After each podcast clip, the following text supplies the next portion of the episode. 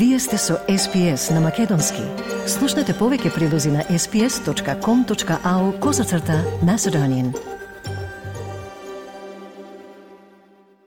Вие сте со SPS Audio на Македонски, а со вас е Маргарита Василева. Продолжуваме со актуелности од Австралија. Во Мелбурн во последно време имало низа инциденти, почнувајќи од криминал од млади банди до сообраќајка во која загина еден човек и пукање во едно кафоле.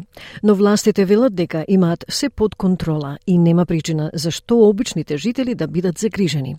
Повеќе од прилогот на Ruth McHugh Dillon за SPS News.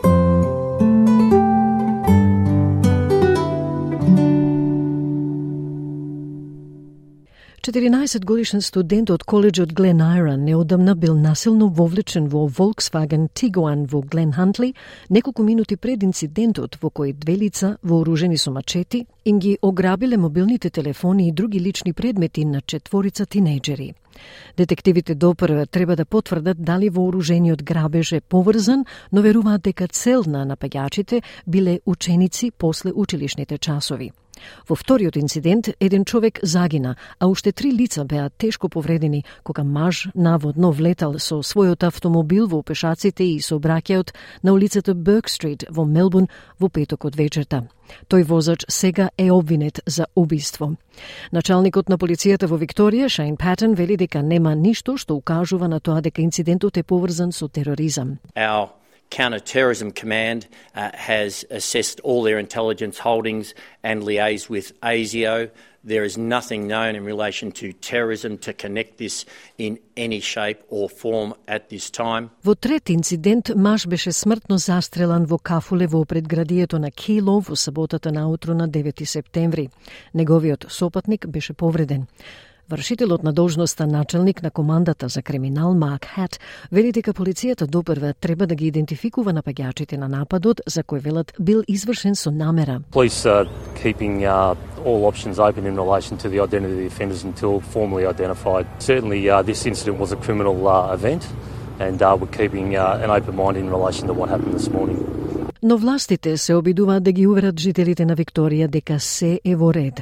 Началникот на полицијата во Викторија, Шейн Патен, вели дека и покрај сличностите со минатите инциденти, насилството не ескалира.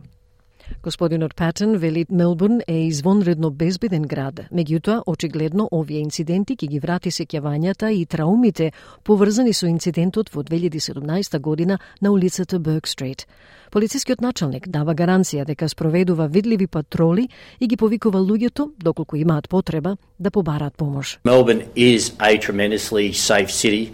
Obviously, this will bring up uh, memories and um, trauma for all those who were involved in the 2017 incident in Berg Street, and our hearts go out to them. And uh, I just provide the assurance that we will have those visible patrols, um, and I would urge them if they do need uh, assistance to seek that assistance. Премиерот Даниел Андрус исто така се обиде да обезбеди одредено уверување и тој ја повтори својата цврста порака против криминалот, потенцирајќи го тоа дека полицијата на Викторија има повеќе ресурси, повеќе овластувања отколку што имала досега. Од прилогот на Ruth McHugh Dillon за SBS News.